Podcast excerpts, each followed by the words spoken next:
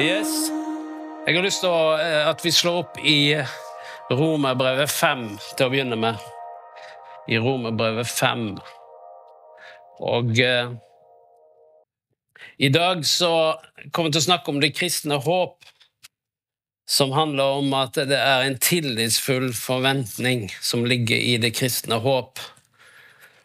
Og eh, så får vi se Vi begynner i hvert fall i Romerbrevet, eh, kapittel 5, og vers 1.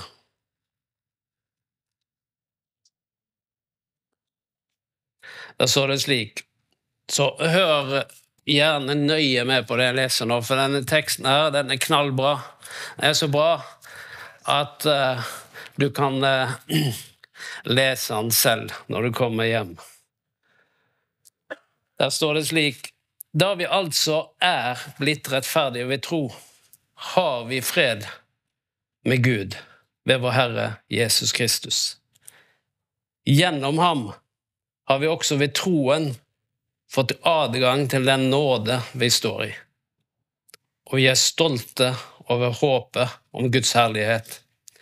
Ikke bare det, vi er også stolte over lidelsene, for vi vet at lidelsen gir utholdenhet. Utholdenhet, et prøvet sinn, og det prøvede sinn, håp. Og håpet skuffer ikke, for Gud er kjærlighet, er utøst i våre hjerter ved Den hellige ånd som Han har gitt oss. Mens vi ennå var svake, døde Kristus for ugudelige da tiden var inne. Selv for et rettskaffent menneske ville vel neppe noen gå i døden. Eller kanskje ville noen gjøre det for en som er god. Men Gud viser sin kjærlighet til oss ved at Kristus døde for oss mens vi ennå var syndere. Når vi nå er blitt rettferdige ved Jesu Kristi blod, hvor mye mer skal vi ikke da gjennom ham bli frelst fra vreden? For mens vi ennå var Guds fiender, ble vi forsonet med ham ved hans sønns død. Når vi nå er forsonet, hvor mye mer skal vi ikke da bli frelst ved hans liv? Ja, ikke bare det, vi har også vår stolthet i Gud ved vår Herre Jesus Kristus, Han som har gitt oss forsoningen. Det er et fantastisk avsnitt fra Romerbrevet, og hver eneste linje er fullt av håp. Hvert eneste linje er fullt av håp. Håp både her i tiden og i tiden som kommer. Og eh, det står også her at 'å håpet skuffer ikke'. Hvorfor kan ikke det kristne håpet skuffe? Jo, fordi Kristus har allerede dødd, og han har allerede stått opp. Derfor vil ikke det kristne håpet skuffe. Men eh, det handler om det nye livet som vi har fått del i, og at vi er blitt forsona med Gud. Evangeliet om Jesus Kristus det er de gode nyhetene. Evangeliet betyr de gode nyhetene. Så det er de gode nyhetene om håp, om frelse, om tilgivelse og forsoning. Og til sist det evige livet med Gud. Så det er det som er evangeliet om Jesus Kristus. Og eh, når vi i dag skal snakke om håp, så må vi nesten definere hvilket håp vi snakker om. Fordi eh, vi håper jo på at det blir fint vær i morgen, gjør vi ikke det? Det er det vi kaller ønsketenkning. Og noen de håper på at de skal vinne i Lotto, men det er også ønsketenkning. Så det er, ikke, det er ikke den type håp. Vi snakker ikke om at det kristne håp er ønsketenkning. Det har mye kraftfullt, eh, mye mer kraftfullt enn det. Og eh, Ordet håp på gresk det beskriver en tillitsfull forventning eller en venting. Vi er jo midt i advent. Advent betyr å vente. Men eh, vi har ikke en sånn passiv venting, men med tillitsfull forventning til noe godt. Noe som skal oppfylles, noe som vi ser frem til. Det er det som er det håpet som vi har i Gud. Det er to typer håp vi skal være innom her. Det ene det er jo det menneskelige håpet. Det menneskelige håpet som har en begrensning, fordi det begrenser til vår naturlige forventning. Til det vi håper er mulig og kan skje, rent sånn menneskelig, naturlig. Men da vet vi at eh, det er ikke alltid at våre menneskelige håp blir oppfylt. Men når vi snakker om troens håp, som er Jesus Kristus, så har den sin forventning til det vi tror er mulig for Gud, både i nåtid og i framtid. Og det gir en helt annen dimensjon av håp, fordi det fins et håp som vi kan leve i rent menneskelig, men så fins det et håp som varer lenger, og som er dypere. Men det hender jo at uh, alt håp er ute. Vi sier jo det når alt håp er ute. Fordi det er jo sånn at uh, vi vi kan noen ganger miste håpet fordi at tiden renner ut. Eller de naturlige omstendighetene tilsier at det er ikke noe håp. Abraham og Sara fra Bibelen de var i en slik situasjon. Gud hadde gitt dem et løfte om at de skulle få en sønn. Men tiden rant ut, og de ble for gamle til å få barn. Rent naturlig så deres naturlige håp rant ut. Men da tilnærmer de seg situasjonen med troens håp. Og Vi kan lese i Romerbrevet 4, vers 18. Der står det slik at selv om alt håp var ute, holdt Abraham fast ved håpet og trodde. Og derfor ble han far til mange folkeslag, som det var sagt ham. Så tallrik skal ætten din bli. Han var nesten 100 år, men ble likevel ikke svak i troen da han tenkte på sin egen kraftløse kropp og på Saras døde morsliv. Han var ikke vantro og tvilte ikke på Guds løfte, men ble sterk i troen og ga Gud ære, for han var overbevist om at det Gud hadde lovt, det han også, hadde han også makt til å gjøre.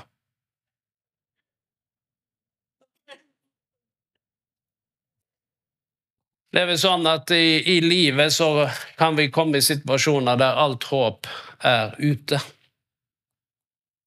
Alt menneskelig håp som setter grenser for hva som er mulig.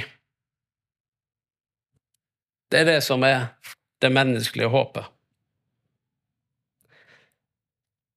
Og eh, noen ganger så kan vi tenke at det er for sent. Det går ikke.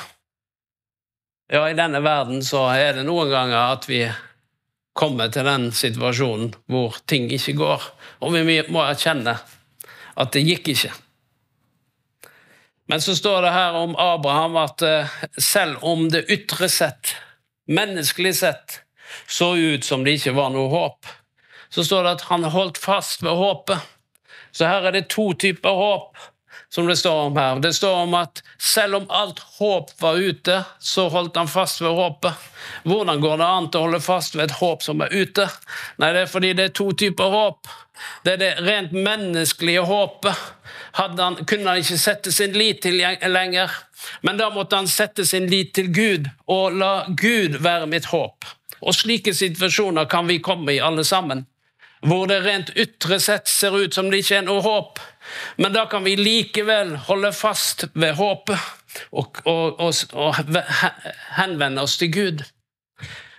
Og da står det at uh, denne troens håp, som setter sin forventning til Gud på tross av de menneskelige og naturlige muligheter som er borte, så holdt Abraham fast ved håpet for han var overbevist om én ting, at det Gud hadde lovt, det var han også mektig til å gjøre.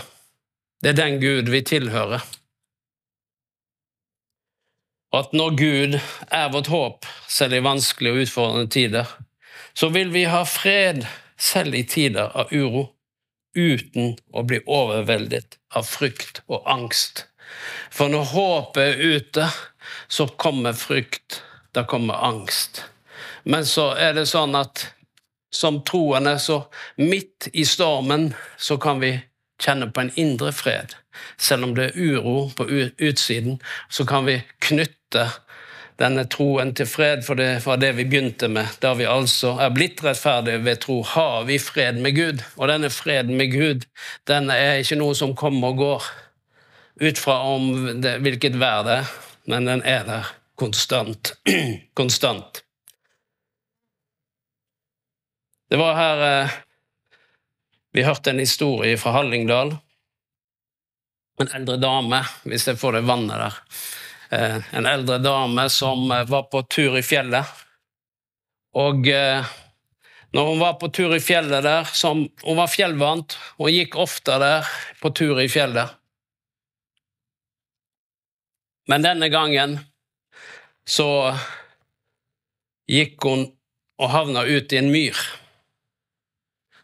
Og i denne myra som var der, så begynte hun å synke, for det var en slik myr som du ikke kommer deg ut av så lett. Så hun begynte å prøve å komme seg løs, men jo mer hun prøvde å komme seg løs, jo dypere sank henne. Hun satt mer og mer fast i denne myra. Denne kvinnen det, eh, Tanja, du kjenner jo denne dama og historien. Men eh, hun, og hun satt mer og mer fast. Til slutt så hadde hun myra til livet. Og da vet du, hvis ikke det kommer noen nå, og hjelpe meg, så er alt håp ute.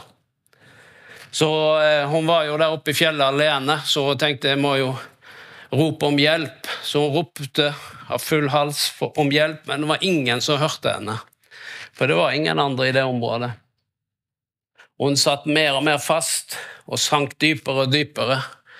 Til slutt så tenkte hun at jeg må be til Gud. Jeg må rope til Gud. Så hun ropte litt forsiktig 'Jesus, hjelp meg'. Jesus, hjelp meg. Men til slutt så skjønte hun at hvis jeg ikke får hjelp nå, så er alt håp ute. Så hun ropte av full hals, av alt det lungene kunne bære, så ropte hun ut 'Jesus, hjelp meg!' Det var sikkert ekko i heimen der. Wow, wow, wow. Har ikke du hørt det? Når du roper full hals. Og plutselig, ut av ingenting, så kommer det Var det en hånd som kom ut av skyen? Ned, rykte henne opp av myra og satte henne på fast grunn.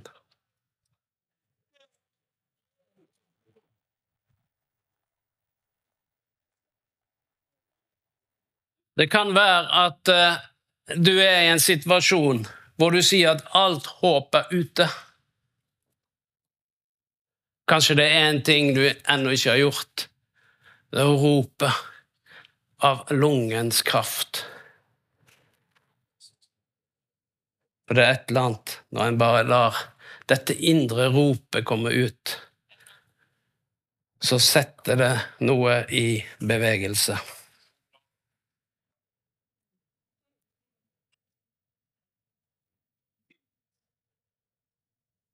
Israel de var i en uh, situasjon fordi uh, de, de, hadde kongetrone i Jerusalem. Og, uh, men lederne og kongen i Israel det var sånn at Noen konger de fulgte Gud, og de tilba Gud. Andre de vendte seg bort fra Gud og tilba avguder. Og dette gikk fram og tilbake. og så var det slik at når de tilba Gud, så var Gud deres beskytter. Men når de vendte seg bort fra Gud, så kom fiendene rundt dem og erobra Jerusalem igjen og igjen. Og eh, til slutt så ble de bortført til Babylon.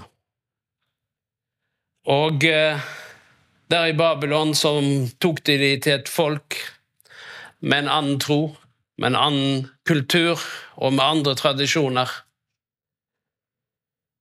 Og de var fanget, de kunne ikke komme noe sted, og de tenkte at nå er vårt liv over. Og eh, vår framtidsdrømmer er knust. Vi vet jo det at i Norge i dag så er det folk som kommer til vår nasjon, som eh, ikke kom her frivillig. Men eh, noen kom pga. krigen i Ukraina. Andre de kom som flyktninger for sin tro på grunn, i Iran, Irak og andre plasser. Andre har kommet pga. borgerkrig i Syria. Det er forskjellige nasjoner, forskjellige hendelser som gjør at de har kommet til Norge. Og eh, slik var det med Israel. De måtte bli forflytta til et annet land. Og de hadde ingen håp for framtiden. De hadde mista framtidshåpet, for de skjønte at vi, Men vi kan ikke leve i den, dette landet. Hva med vår egen nasjon? Hva med vårt eget folk? Da kom profeten i Jeremia 29, 10 og 11. Kom profeten og sa til dem, så sier Herren, når 70 år er gått for Babel, skal jeg se til dere. Da skal jeg oppfylle mitt gode løfte for dere og føre dere tilbake til dette stedet. For jeg vet hvilken tanker jeg har med dere, sier Herren. Fredstanker og ikke ulykkestanker. Jeg vil gi dere fremtid og håp. Og det er det som eh, kan være at vi kanskje har mista noe av fremtidsdrømmen eller fremtidsvisjonen fordi ting ble annerledes enn vi hadde tenkt. Eh, vi havner en plass vi helst ikke ville være, om det var frivillig eller ufrivillig. I hvert fall så har vi havnet i en situasjon som vi ikke ønsker å være i. Men da er det slik at til, og med der så fins det en utvei, så fins det en vei som Gud kan eh, gjøre for deg. Nå gikk det 70 år her, det, det hørtes veldig lenge ut. Men likevel, for de som bodde der, så skapte det håp. Fordi de skjønte det, at vår Gud sier at vi skal ikke være i denne situasjonen for, eh, for alltid. Denne situasjonen, den er ikke, eh, vår, eh, det er ikke vår framtid. Den vil være en framtid for en tid, men så kommer det en endring. Og Gud eh, talte til dem. Det kommer et vendepunkt, og dette vendepunktet det vil eh, gjøre at dere kommer tilbake til Jerusalem, tilbake til deres eget folk. Og det er sånn også med deg, at det kommer et vendepunkt òg i ditt liv. Fordi at det Gud ønsker for deg, det er fremtid, og det er håp. Det er fredstanker han har. Han har ikke eh, tanker om ulykke og nederlag, men at han er din hjelper. Så involver han i livet ditt, så skal du få se at han kommer til å hjelpe deg. Og dette håpet for framtiden, det sies slik i Hebreabrevet 6, 17-20. Gud ville gjøre det helt klart for arvingene til løftet at hans beslutning var uforanderlig. Derfor gikk han også god for den med ed, med løfte og ed. To ting som ikke kan forandres, og Gud kan ikke lyve. Bare husk det. Skulle vi ha en mektig trøst, vi som har søkt tilflukt for å gripe det håpet som ligger foran oss. Dette håpet er et trygt anker, fast, trygt og fast anker for sjelen. Det når innenfor forhenget, dit Jesus gikk, inn som forløper for oss, han som til evig tid er øverste prest av samme slag som Melkisedek. Her står det at uh, vi har en mektig trøst, vi som har søkt tilflukt ved å gripe det håpet som ligger foran oss. Det håpet som er et trygt og fast anker for sjelen var et anker. Jeg tenkte jeg skulle høre med Wikipedia. Hva er et anker? Selv om jeg visste hva et anker, så av og til så får du litt hjelp. Enkle beskrivelser. Hva er et anker? Nå skal du få vite hva et anker er. Anker er et redskap til å fastgjøre et skip eller båt eller annet flytende fartøy til havets bunn, altså ankeret til havets bunn. Det kan jo være sånn at av og til så kan vi òg kjenne oss som sånne flytende fartøy. ikke sant? Og vind, omstendigheter, driver oss litt både hit og dit. Men så står det at uh, dette ankeret er vanligvis gjort av metall og benyttes for å holde skipet på et fast sted ved å få tøyet til bunnen framfor å la det drive med vinden eller med havstrømmene. Og vårt anker det er ikke gjort av metall, det er gjort av kjøtt og blod, og det heter Jesus Kristus. Og vårt ankersfeste det er ikke på havets bunn, men det står at det er dit Jesus gikk, i himmelen, der vi en dag skal komme. Det er et trygt anker for vår sjel.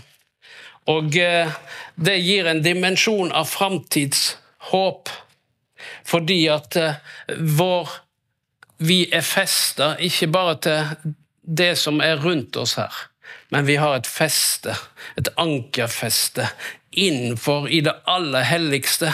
Fordi når vi sa ja til Jesus, så står det at Jesus han gikk inn dit, og så ble han vårt håp, vår framtidstro, vår framtidshåp, slik at vi kan vite at selv om det drifter litt rundt her, selv om vinden blåser, selv om det er omstendigheter som vi ikke helt vet hvordan vi skal håndtere, så er vi trygge.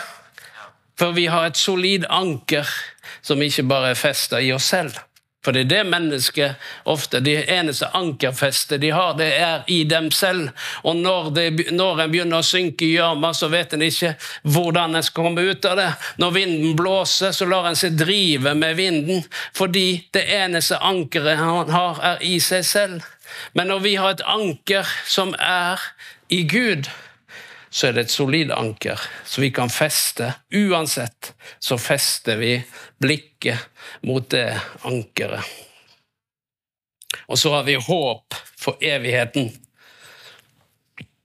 Derfor så lever vi med et evig perspektiv av håp. Og det håpet, det strekker seg lenger enn til døden.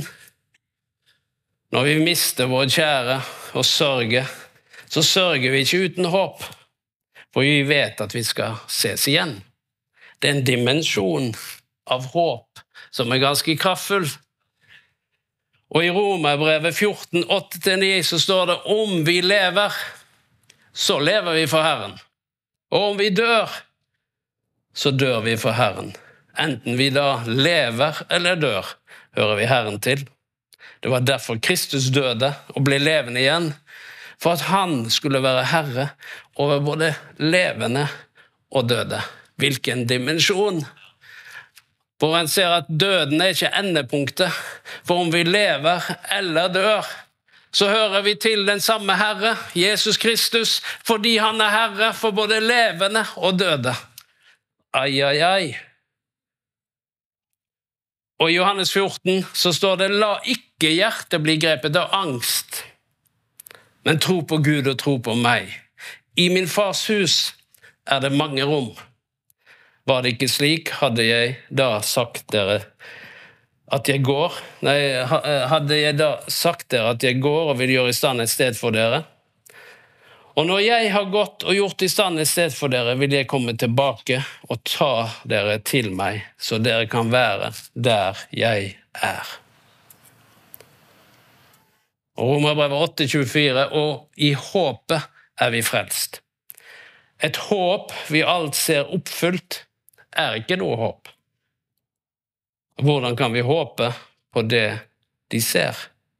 Men hvis vi håper på noe vi ikke ser, da venter vi med tålmodighet. Det er derfor det kalles håp. Og Hebreabrevet 11.1 sier at troen er sikkerhet for det som håpes, visshet om ting en ikke ser. Så vi er privilegert som kan leve med håp. For det å leve uten håp, uten retning, uten eh, eh, langsiktighet, det gir et veldig begrensa perspektiv. Men det skaper fred og trygghet både i dette liv, men også fred og trygghet for det som kommer etter døden. Og Den dimensjonen gjør at vi alltid kan ha fred. Det er den fred som bare Gud kan gi. Og dette håpet, det ligger dypt i oss. Denne troen, den ligger dypt i oss. Derfor så vil jeg be denne bønnen som Paulus ba over oss alle. Du kan lese den i Romerbrevet 15 vers 13. Men der står det slik at må håpet Gud fylle dere alle med all glede og fred i troen, så dere kan bli rike på håp ved Den hellige ånds kraft. Det er Paulus' bønn til romerne, og det er min bønn over hver enkelt en av oss i dag. Må håpets Gud fylle dere alle med all glede og fred i troen, så dere kan bli rike på håp ved Den hellige ånds kraft. Og denne, dette rike håpet, det begynner med troen. Det begynner med troen på Jesus Kristus. Det begynner med at vi får ta imot håpet som er Jesus Kristus, som er vårt framtidshåp, som er vårt anker, som er vårt liv. Så jeg ber Herre for hver enkelt en, så ber Herre at må du, håpets Gud, fylle hver enkelt en med all glede og fred i troen, så hver enkelt en kan være rike på håp ved Den hellige ånds kraft. Amen.